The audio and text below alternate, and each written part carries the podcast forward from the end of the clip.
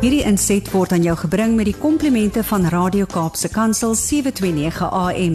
Besoek ons gerus by www.cape pulpit.co.za. Now, I love a good story, me. I mean, you don't need to ask me twice. I'm one of those, if someone starts talking and I feel there's a story coming, then I just sit down and then I sit and stare at them. Like the kindergarten kids when it's story time and you're going to read about the three farkies.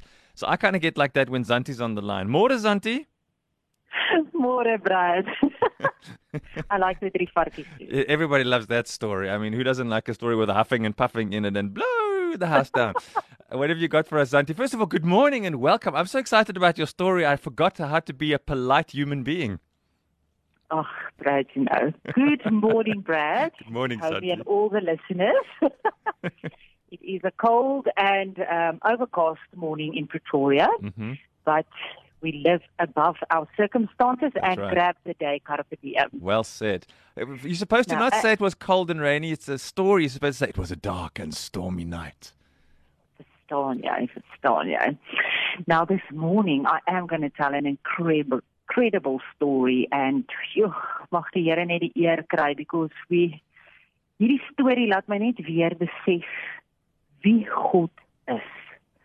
Ek wil vanoggend begin deur te sê of deur te sê always engage from where you abide. Wil ek weer sê? Hmm. always engage from where you abide. And to abide in Him is the only place we should abide. In sommige kere wanneer ek met ander mense interaksie het of die lekker woord in Engels when I engage with someone else and that conversation whatever comes out of that always for me is a roadmap back to where I abide. En ek wil vanoggend vir jou sê dat ek voel dit regtig net diep in my hart dat daar iemand dalk vanoggend is wat op 'n plek is van desperate desperate need. Dis al wat ek kan beskryf.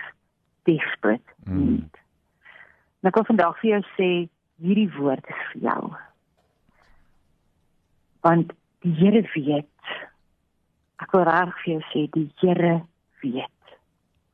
En soms voel ons so alleen. Ons ons ons omstandighede so oorweldigend. Dit voel soos 'n tsunami wat aankom en hy ons stikkend slaan en die oomblik as ons net opkom vir 'n asem dan is die volgende ene daar. En as jy ver oggend met dit kan vereenselwig, dan wil ek vir jou sê die Here hoor vir jou. Hy sien vir jou. Te midde van al die chaos, al die dinge waarmee hy besig is, is jy op sy hart vanoggend en is hierdie woord spesifiek vir jou. Ek wil vir jou sê die mooiste skrif in 1 Samuel 2 vers 8 staan daar.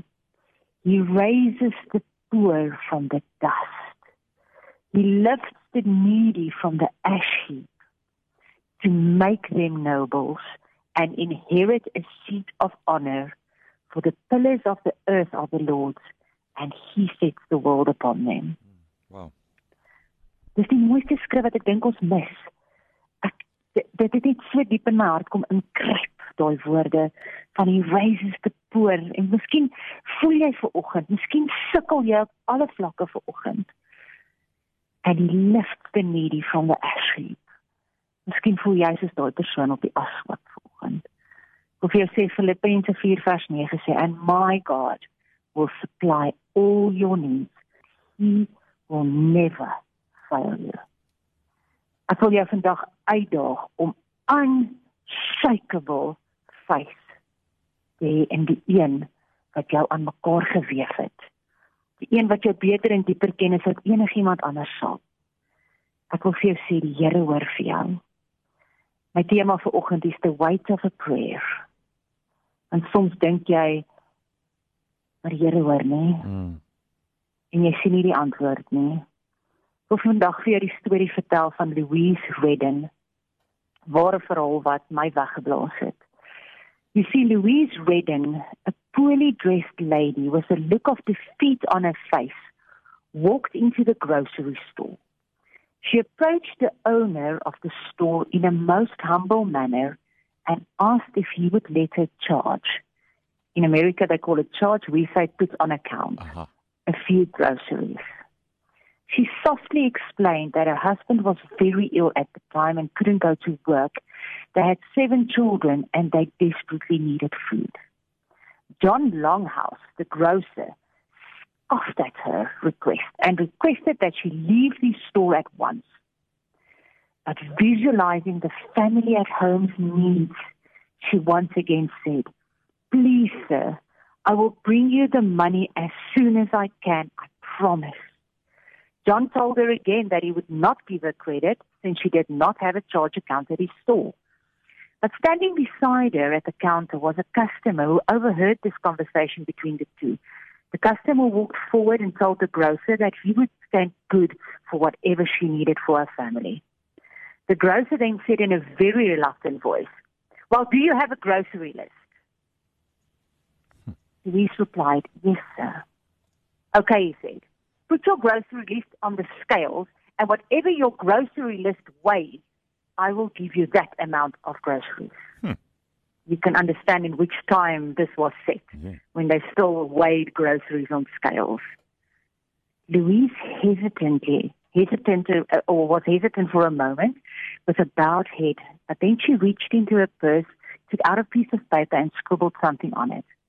She then laid the piece of paper on the one side of the scale, carefully with her head still bowed. The eyes of the grocer and the customer showed amazement when the scales went down and stayed down. The grocer, staring at the scales, turned slowly to the customer and said begrudgingly, I cannot believe this. The customer smiled and the grocer then started putting groceries on the other side of the scales. The scale did not balance, so he continued to put more and more groceries on them until the scale on the other side could hold no more. Hmm. The grocer stood there in utter disgust. Finally, he grabbed the piece of paper from the scale, looked at it with even greater amazement. There was no grocery list. Hmm.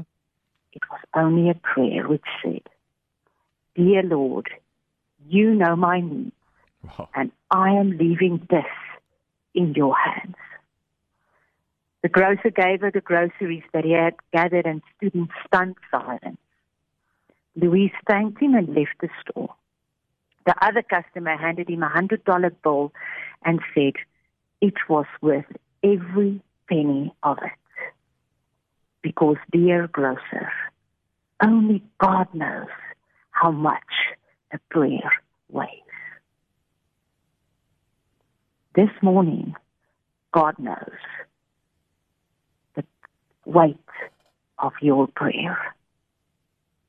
And He says that He will provide for you. Always engage from where you abide. And may you abide this morning in the trust that the Lord, with all his heart, will never, ever fail you. Pray that He will bring unmerited favor over your life, divine connections, that He will provide your needs in such a miraculous way that it'll touch everyone around you. And that that piece of paper in your heart this morning, whatever you need, this wave coming over you, may you put it in that scale today and know that only He knows the weight of your prayer. And He will provide for you. Amen. Hierdie inset was aan jou gebring met die komplimente van Radio Kaapse Kansel 729 AM. Besoek ons gerus by www.cape pulpit.co.za.